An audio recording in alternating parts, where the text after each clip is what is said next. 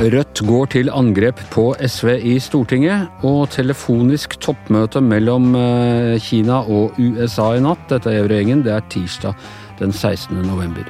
Og så Først vil jeg også få nevne at det da har vært en ny utvikling, faktisk, i, i eh, Baneheia-saken. Det er altså funnet eh, DNA-spor etter Jan Helge Andersen på en av de drepte jentene, som eh, noe som kan få følger for, eh, for eh, den videre etterforskningen. Og hvorvidt denne saken skal opp på nytt etter gjenopptakelseskommisjonens eh, konklusjoner før sommeren. Dette kan de mye mer om, og vet mye mer om i, blant våre kolleger i Krimpodden, og de er ute med en ekstra utgave nå i løpet av dagen. Ok, eh, vi snakket jo litt om eh, at SV eh, aldri har fått så mye oppmerksomhet rundt sitt alternative statsbudsjett før, Tone Sofie, som i går. Ikke all oppmerksomhet har vært positiv, får vi vel si. Nei, det kan man si. Og, og, SV hadde jo det veldig sånn tydelige grepet i går. Den beskjeden til Jonas Gahr Støre at vi skal ikke bli tatt for gitt. Derfor så kommer ikke vi til å prioritere å å ta inn de løftebruddene fra Arbeiderpartiet. Og da sikta de spesielt til eh, disse feriepengene til permitterte og arbeidsledige, som har vært en veldig sånn heit potet i valgkampen. Uh, og det hørtes egentlig ganske sånn tilforlatelig ut. Ja, Man skjønner tankegangen i hvert fall. At de liksom tenker at vi skal ikke være sånn at Arbeiderpartiet bare kan drøsse av seg en del ikke fullførte valg og så satse på at SV kommer og liksom soper opp for dem? Nei, og det er jo litt den der tabben som Erna Solberg gjorde også. At de gjorde til at KrF og Venstre måtte kjempe for de samme seirene gang på gang. og Det handla veldig mye om klima og, og den type saker. Det provoserte de grenseløst, og de må liksom ta ansvar for sin egen politikk. Men eh, det viser jo veldig hvor, eh, hvor forandret det politiske landskapet er, når nå Rødt går til angrep på SV for å gjøre eh, feriepengene til arbeidsledige til et politisk spill. For, og det har jo de for så vidt et godt poeng i, for hvis de er opptatt av det, så må jo det viktigste i seg sjøl være saken, og ikke hvordan man posisjonerer seg noen forhandlinger. Men altså for ordens skyld, og fordi dette også var et uklarhet på, på dagens morgenmøte i, i leder- og kommentaravdelingen. Eh, SV har dette med i sitt alternative budsjett? Ja, det har de. Og så jeg opplevde kanskje det mer som en sånn eh, verbal føring fra Audun Lysbakken om liksom ikke ta oss for gitt. Og det er liksom kanskje ikke deres hovedprioritet, da, men så ble det litt, litt sånn eh, eh, malt inn i et hjørne når de liksom måtte prøve å formidle at selvfølgelig var de veldig for disse pengene til arbeidsledige. Og plutselig står liksom SV der og har skylda for at arbeidsledige ikke får feriepengene sine? Ja, ikke sant. Og det må jeg jo si var jo eh, Eh, veldig godt spilt, da, for å bruke et ord de sikkert ikke liker, fra Rødt. Eh, for eh, de kan jo virkelig bare være rene og ranke, og de har jo så mye penger de vil i hele verden, og har jo for så vidt et godt poeng. Og Mimmi Kristiansson sitter på, på Politisk kvarter og, og, er liksom Han er ikke opptatt av politikken, han er bare opptatt av de arbeidsledige, at de skal ja. få pengene sine. Ja. ja. Så det viser jo litt at nå har SV fått sin, e, sitt eget SV, sin egen opposisjon, som gjør at det er ikke så lett for de å manøvrere som om de hadde liksom hatt hele den der venstre flanken for seg sjøl. Ja, eh, Hans Petter Sjøli, er, eh, er, dette noe SV burde ha forutsett og regna med? Ja, altså de gjorde et eh, For det første gjorde SV et litt dårligere valg enn mange trodde. Eh, de fikk ikke den der enorme boosten som, eh, som de, det så ut lenge til de skulle få. og Så kom da Rødt inn med en ganske stor gruppe. og Da er det en helt annen situasjon nå enn det har vært før. fordi eh, SVs poeng her er jo at de skal ha lært av tabbene de gjorde i, forhold til den rød-grønne regjeringa. At de ble på en måte bare overkjørt, og nå skal de da sette litt harde krav og, og lage et sånt uh, spill i Stortinget. Men så hadde de på en måte glemt at det sitter noen uh, arrige bikkjer til venstre for, dem, for dem da, som, som, gjør at hele dynamikken i spillet her har endra seg helt. da. Uh, og vi, uh, vi, kommer til å se masse av det her framover. Vi kommer til å se et Rødt som uh, ja, du vet På venstresida snakker man jo ofte om å være, holde hverandre i ørene. ikke sant? og Vi kommer til å se et Rødt som kommer til å holde SV i ørene hele tida, og det kommer til å bli et ganske ja, eh, ganske mye snakk om det, ganske mye diskusjon om det her i årene. Eh, ikke bare i år, men i årene så kommer hele perioden. Så hver gang SV kommer med protesterer mot regjeringens eh, politikk og sier at nei, her må vi slenge på en milliard til, så vil eh, Rødt kunne rygge ut og si nei, to milliarder. Ja, og- Ti milliarder. Ti 10 milliarder. Og hadde jo, hadde jo NKP kommet på tinget, som de sa i valgkampen, så noen må jo holde Rødt og SV i ørene også, så hadde de hatt 20 milliarder. Ja. Eh, hvor Altså, nå blir man på en måte litt Man blir imponert over eh, Rødts eh, spille... eh, håndtering av- spillet og sånne ting. Men hvor lenge vil de kunne holde på sånn før dette bare skaper en sånn material tretthet ytterst på venstresida og ja, gjør at de spiller seg selv utover sidelinjen, sånn Sofie?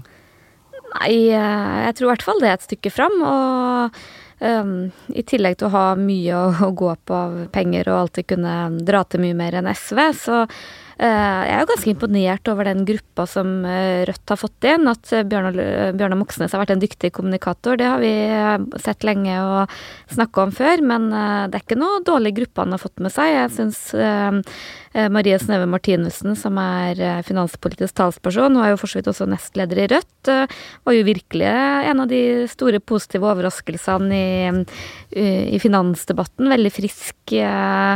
Eh, Eh, eh, Kristiansson kjenner vi jo alle. Han aleine kan jo mm, fylle mye av rommet til opposisjonen på Stortinget. Sofie Marhaug fra Bergen. Det er en ganske eh, kompetent gruppe som jeg, jeg tror nok eh, kan sette SV langt på vei i skyggen. Og i tillegg så har vi jo også MDG, og noe det som også var litt sånn eh, interessant å høre mm, på radioen i morges, var jo hvordan Rasmus Hansson posisjonerer seg om klimaavgifter og Altså, Rasmus Hansson går, gjør nå felles front mot Fremskritt, Ja. med Fremskrittspartiet mot uh, tilbakevirkende kraft på klimaavgift på, på Hybridbiler? På hybridbiler. ladbare hybridbiler. Ja, Ja. det var veldig For, elegant. for folk som bestilte, vi må bare forklare det, Ja. til folk som har da allerede bestilt bil før de nye avgiftene på hybridbiler innføres. Ja. Og så har det tatt tid pga. pandemien og sånne ting, og nå uh, for, skal de få tilbakevirkende kraft i avgiften. Og det går både MDG mot, fordi de mener at det er uh, dårlig for miljøkampen. Men, men, men MDG er samtidig f- for å fjerne avgiftene på, på det. Ikke sant? Så det, det, er, det er et spill også der, ikke sant? ja, da, så, Det, så det her gjelder jo det gjelder, men gjelder de på vil ikke- den tilbakevirkende kraften. Men han var ganske åpen på det, at dette Ja, ja. er fordi dette, dette Men, men det illustrerer i hvert fall veldig godt hvordan, eh, hvordan det der Det vil bli et sånn veldig sånn spill mellom Ja, ja. de partiene hele tida. Og det er mange partier som skal spille her også. Ja. Men jeg syns også han posisjonerte seg veldig klokt. eh, For han var helt åpen om at det var avgifter som eh, MDG eh, var for. Men eh, folk må være klar over det når de gjør det valget sitt. Og hvis du eh, endrer spillereglene, så blir folk bare irritert, sint på klimaavgifter. Og det er jo litt sånn vi har snakka om, mange av oss som en gang i tida kjøpte dieselbil når det var, eh, Når det var det, det riktige. Og du, altså, altså, det, er jo noe med tida går og sånn, men, men jeg, jeg tror han er veldig på sporet av uh, hvordan folk tenker, da. Det er, nok, det er nok viktig for MDG Mm. å øh, tenke litt på den måten også, fordi de ofte blir beskyldt for å liksom ikke bry seg om hvordan Ja, og vanlige med god grunn òg. Så jeg tror nok Ja. også at Rasmus Hansson er nok en, en annen sort eh, klimapolitiker som kanskje ikke er så moralistisk som eh, mange andre kan framstå, da. Det er jo en moralisme i det han gjør nå også, det må man jo kunne si. Og ikke bare at han ikke eh, har et mer liksom, nese for, for de tingene der, men han er også en ganske dyktig politisk demagog og en politisk spiller. Og det, og det er jo en sånn type mange av de som Tone nevnte her, med Rødt-politikerne. Også Mimmi Kristiansson kommer jo i, eh, i Dagsnytt 18 bare han knipser med fingrene, så er han jo der, ikke sant? Og er en mediedarling. Eh, Sånn at, eh, og, og de kan det her, altså de, de prøver jo sjøl å si at de ikke er en del av spillet, men det er jo selvfølgelig en del av spillet. Og, Nei, og det- ingen politikere er opptatt av spillet, Nei, det er bare nei. noe vi er opptatt av i mediene. men da, men da det blir på en måte sitte Det som blir litt sånn rart, er at SV, da, som skulle liksom være eh, Som tidligere utgjorde venstreflanken på Stortinget, da blir den som sitter i klem mellom flere altså Du blir sittende i klemma hele tida.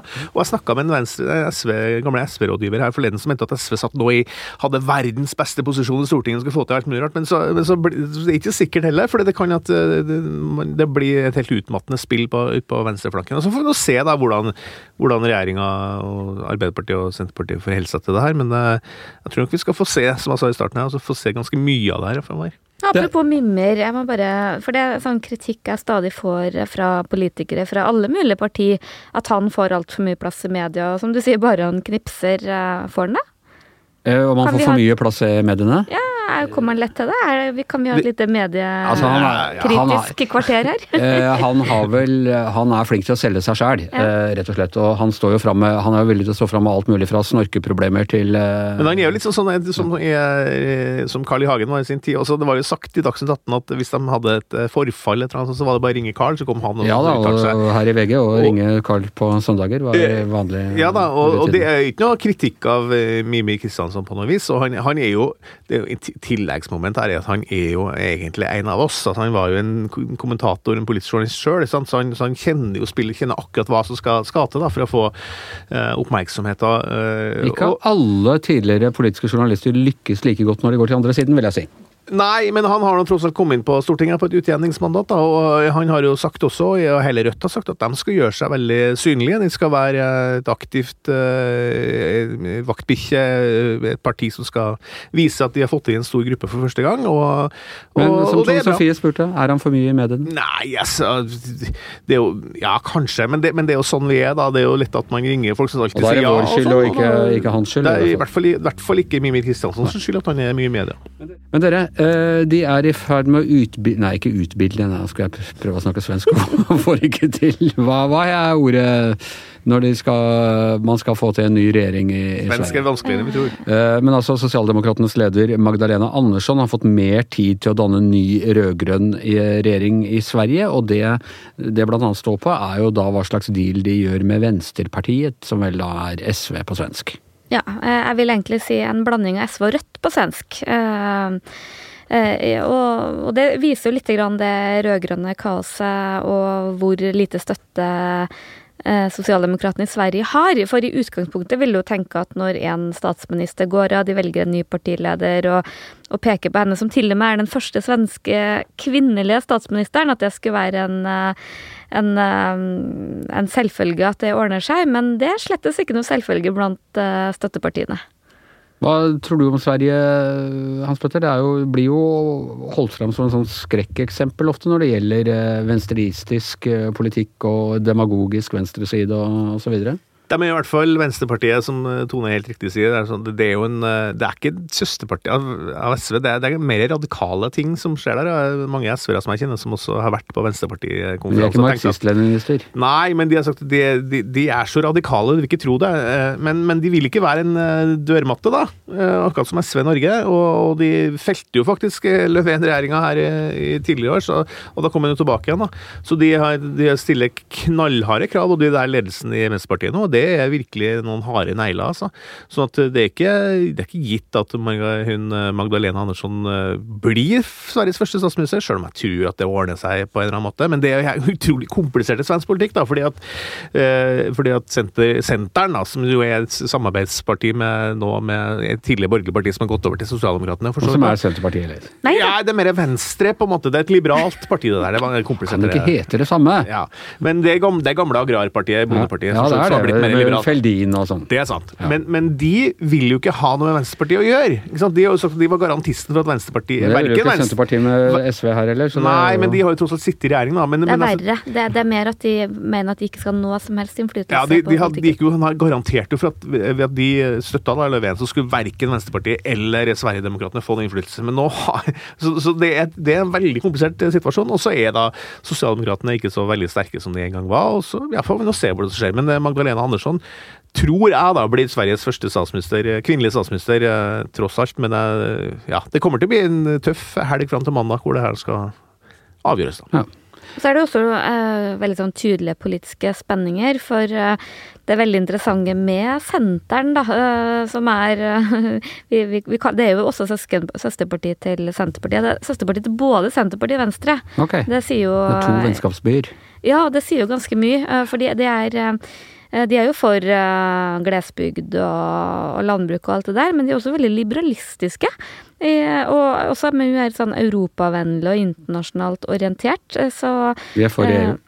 Ja, ja, det Det er, mener jeg det, er, absolutt. det er et Ja. utrolig rart parti. Det, Ja. det er omtrent som at eh, Venstre og Senterpartiet, som i, i Norge nærmest er hovedmotstandere i mange spørsmål, det er blitt eh, etter hvert eh, at de er i samme parti. Det er veldig Ja, og så merkelig. drar de veldig hver sin ende, og så sitter jo også Miljøpartiet i, i denne regjeringa, så sånn strandsonespørsmål og vekstvern og sånn er en ganske viktig del av det de driver og krangler om.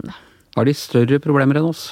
Eh, ja, det vil jeg faktisk si. Eh, Sosialdemokratene har større problemer eh, eh, av det politiske landskapet, og det, det virker som man liksom ikke drar i samme retning. Mer, mer drama.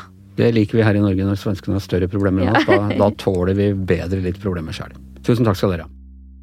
Og natt til i dag så har det også vært et uh, nytt historisk toppmøte mellom USA og Kina. Riktignok, uh, Per Olav, ikke personlig, men alle sånne møter foregår jo på sånn Google Meet og Zoom og sånne ting for tida, så det var vel det de brukte Biden og Xi også? Ja, jeg så det sto to sånne store skjermer, i hvert fall i Det hvite hus, det, i det rommet der hvor Biden satt med mange av sine nærmeste medarbeidere. Og så satt da Xi i Eh, på ved Tiananmen Square i, i Beijing, på, i folkets store sal der, eller et rom der, og, med sine folk. Og de snakket sammen på videolink, ja. Og de har jo så vidt de har snakket sammen på telefon to ganger etter at Biden ble president i januar. Men um, dette var på en måte De kunne i hvert fall se hverandre i øynene nå, um, om det ikke det var fysisk til stede. Ja, og tre og en halv time eller noe sånt? holdt de på? Ja, godt og vel. Og det eh, var mye de skulle snakke om også. Så har de jo da oversettere, så gjør det at det tar, trekker litt ut i tid. Men det, de, har jo, de hadde en, stor, en, lang og stor agenda, omfangsrik. Mye, mange temaer på bordet. Eh, så det var ikke rart at det tok litt tid. Ja, Men nå er de enige? Nå er de enige om å være uenige om det meste, i hvert fall. Ja. Men de snakker jo sammen, og det er jo et framskritt. Det var på forhånd klart at de ikke ville Det var for å unngå misforståelse eller noe sånt, sa Biden? Ja, altså han, han, Biden er opptatt av to ting. Det ene er sånn at det skal være intens konkurranse, som han sier, men det skal også være intens diplomati. Det betyr at uh, man må også ha gode, åpne kommunikasjonslinjer, så man unngår um, misforståelser som kan lede til ja, utilsiktede konflikter, eller, eller, i verste fall krig. Da. Ja, for, og Hanne, Det har jo vært dårlig forhold mellom USA og ja, Kina for så vidt bestandig, men, men, det har vært dårlig under Trump. Det har vært ren handelskrig. Til gjengjeld var ikke han så på dette med menneskerettigheter og sånn, og nå, nå har det fokuset skifta noe. altså Biden ønsker ikke ren handelskrig, men han har ikke hevet sanksjonene heller. Nei, og hvis det er noe de er enige om, en av de få tingene de er enige om, demokrater og republikanere i Washington DC, er jo at Kina er den største trusselen akkurat nå. Altså trussel mot USA, eller trussel mot verden? Eller? Begge deler, tror jeg. Uh, og da er det blant annet en av de uh, heteste potetene er jo da uh, Taiwan. Som ikke bare gjelder øyas egen Eh, altså hvem som skal bestemme der, men også hele, hele havet rundt, som er voldsomt militarisert, eh, Prolav. Ja, og der har jo egentlig det bare blitt uh, motsetninger blitt skjerpet i senere tid. Fordi uh, Kina viser uh, militær styrke. De har foretatt en masse sånne overflyvninger. Fløyet inn i det som kalles Taiwans kontrollsone. da, Hatt store militære øvelser som kan da absolutt oppfattes som forsøk på ja, å øve på en innovasjon, da. nå skal da ski ifølge kinesiske medier. For vi vet jo ikke egentlig så veldig mye av det som ble sagt uh, i natt. Det var jo, vi, vi fikk se akkurat åpningssekvensen, da var en journalist til stede. Og etterpå så vet, er det bare basert på hva de kinesiske offisielle mediene sa, og noe av det som administrasjonen i Washington har sagt. Men uh, Xi sa da at uh, vi skal gjøre vårt ytterste for at denne gjenforeningen skal skje på fredelig vis. Det var så langt han ville gå der. USA er veldig tydelig på at, at de advarer mot at Kina skal forsøke å endre status, som det heter når det gjelder Taiwan. Fredelig gjenforening er veldig veldig lite sannsynlig, fordi at det er stadig færre på Taiwan, og et lite, store flertall der ønsker slett ingen Gjenforening? Nei. Verken fredelig eller uh, krigersk? Nei, fordi de, de har uh, demokrati, de har personlige friheter, de har også en høyere levestandard enn de har. Det er ikke veldig mye som lokker ved å bli en del av det store folkerepublikken. Samtidig som Kina jo alltid har sett på Taiwan som en del av Kina, en del av sitt land. Og da har de sagt at de kan godt ha et annet system, men når vi ser på hvordan det har gått med Hongkong, som ble lovet 50 år med det styret de hadde fra før, etter at uh, i 97 britene ga fra seg Hongkong til Kina, så har det også gått fryktelig dårlig. Eh, mange mener jo at Taiwan er det stedet i verden nå med størst spenning og størst fare for militær konflikt. Er uh, Taiwan det nye Sarajevo? Er det der skuddene kommer til å falle som utløser tredje verdenskrig? Jeg tror det er en viss bekymring i USA. Jeg tror det er en grunn til at Biden er så opptatt av å snakke om dette med at man må unngå misforståelser. Fordi at dette er et område hvor eh, de to supermaktene, må vi nesten kalle de nå, møtes på et vis militært. USA har jo hatt et militært overtak militær, eh, også til sjøs, da, i de farvannene. De har hatt en tilstedeværelse der. Eh, og nå har Kina bygget opp sin kapasitet så mye De har bygget at, egne øyer for å liksom utvide sitt territorium? Og... Det har de gjort, og de har verdens største marine nå. Og det er klart, er det, da er det liksom mulig, da, innenfor det muliges å, kunne innta øya militært. Eh, Riktignok sikkert til en veldig veldig høy pris, men dog mulig, tenkelig. Eh, og det er noe som jeg tror bekymrer uh, ja, for mange. Hva har Taiwan? Er det, er det tropper der? Er det De har jo et, de har sitt eget militære forsvar, og USA har ikke noen sikkerhet... Det er ikke noen base der? De har, de har militære øvelser sammen med de taiwanske styrkene. De, har, de, har, de selger våpen til Taiwan. Uh, de, de, støtter de militært, men de har ikke utstedt noen sikkerhetsgaranti, sånn som vi f.eks. har i Nato. Altså, USA har hatt en doktrine doktrine som heter strategisk tvetydighet når det gjelder Taiwan. Og det innebærer at de ikke sier eh, klart hva de vil gjøre i tilfelle et militært angrep mot øya. Så vet vi Historien er jo full av eksempler på at når det er en stormakt som er i ferd med å stige over og bli den største, så det, skjer det veldig veldig sjelden uten at det ender opp med en militær konflikt. Og det er jo det man ser her, at Kina er i ferd med å ta over eh, som verdens største økonomi, kanskje. Og er virkelig i ferd med å bli den nye store supermakten i verden, noe som jeg syns er en veldig skremmende tanke. Og da er det det mange frykter, at heller ikke denne gangen skal det gå uten militær eh, konflikt. Og så er et aspekt til med Taiwan som jeg syns er interessant, og det er jo de er verdens største produsent av disse små mikrochipene, som vi er avhengig av til alle mulige duppeditter de lager. Langt over halvparten av de blir laget i Taiwan. Så også for verdensøkonomien og logistikken så er det faktisk veldig viktig hva som skjer der. Det er ikke bare Eh, geopolitiske, det er også økonomiske interesser vi har av å opprettholde regimet ja, altså, på Taiwan. Taiwan er også et godt eksempel på det at kinesere kan lykkes veldig godt økonomisk uten å ha et sånn sentralstyrt mm. system som det de har på i Folkerepublikken. da. For det blir jo ofte sagt at Kina har vært en sånn fantastisk økonomisk suksess og hevet så mange ut av fattigdommen, hvilket de også har gjort. Men eh, i, i, i, Taiwan, og også i Hongkong, så startet jo dette mye tidligere, og det har gått enda raskere. Eh, nå var ikke Taiwan heller noe demokratisk eh, samfunn i starten, eh, etter eh, at nasjonalistene søkte tilflukt der etter borgerkrigen. Men det ble det jo etter hvert. Eh, og de har lykkes enda langt bedre enn fastlandet når det gjelder å utvikle økonomien og bli en avansert, moderne økonomi. Ja, for det er viktig å huske at det er jo faktisk kinesere som flykta etter, etter borgerkrigen i 49, som flykta fra Kina til Taiwan. Dette er landsmenn. Ja. Eh, hva, til slutt, eh, menneskerettigheter, forfølgelse av minoriteter eh, etc. Der er USA og Kina enige om å være uenige, eller hva? Ble det lagt noe, La Biden noe press på, på Xi der? Han skal da ha tatt opp både uigurenes situasjon, altså de som bor oppe i Xinjiang-provinsen, muslimer i Kina, og han har også, skulle også snakket om Hongkong og andre forhold som gjelder menneskerettigheter. Eh, Xi snakket jo om at de, for, at de, vil gjerne ha et bedre samarbeid med USA. Eh, men de vil også da ha et samarbeid som da bygger på en gjensidig respekt, som de sier. Og det er da, den respekten innebærer jo at man ikke skal blande seg inn i indre affærer. Og de definerer også Taiwan som en indre affære, og de eh, definerer definitivt Hongkong. Og, og i hvert fall uigurene. Ja, som ja. noe som tilhører deres egne affærer. Hva tror du, Hanne? Nytter det å legge noe press på dem? Slutte å gi dem norsk laks, så tar de til dette? Jeg tror ikke det nytter veldig å legge press på dem, men jeg syns jo det Norge gjør med å forhandle med frihandelsavtale eh, ved å legge seg så tett opp til Kina, denne avtalen Erna Solbergs regjering inngikk i sin tid, som var eh, etter mitt syn å krype for Kina, det kan vi godt la være. Jepp. Vi, eh, vi, får håpe det nytter.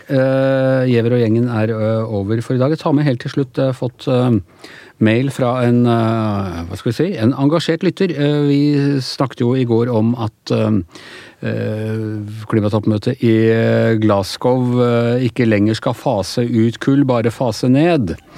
Og han påpeker, jeg tror han har rett i det, at det var et forslag på møtet om å si fase ut kull, og at det har aldri vært sagt. Nei, ja, som falt, og så falt man ned på, på fase ned. Men det har aldri vært sagt tidligere at man skal fase det ut.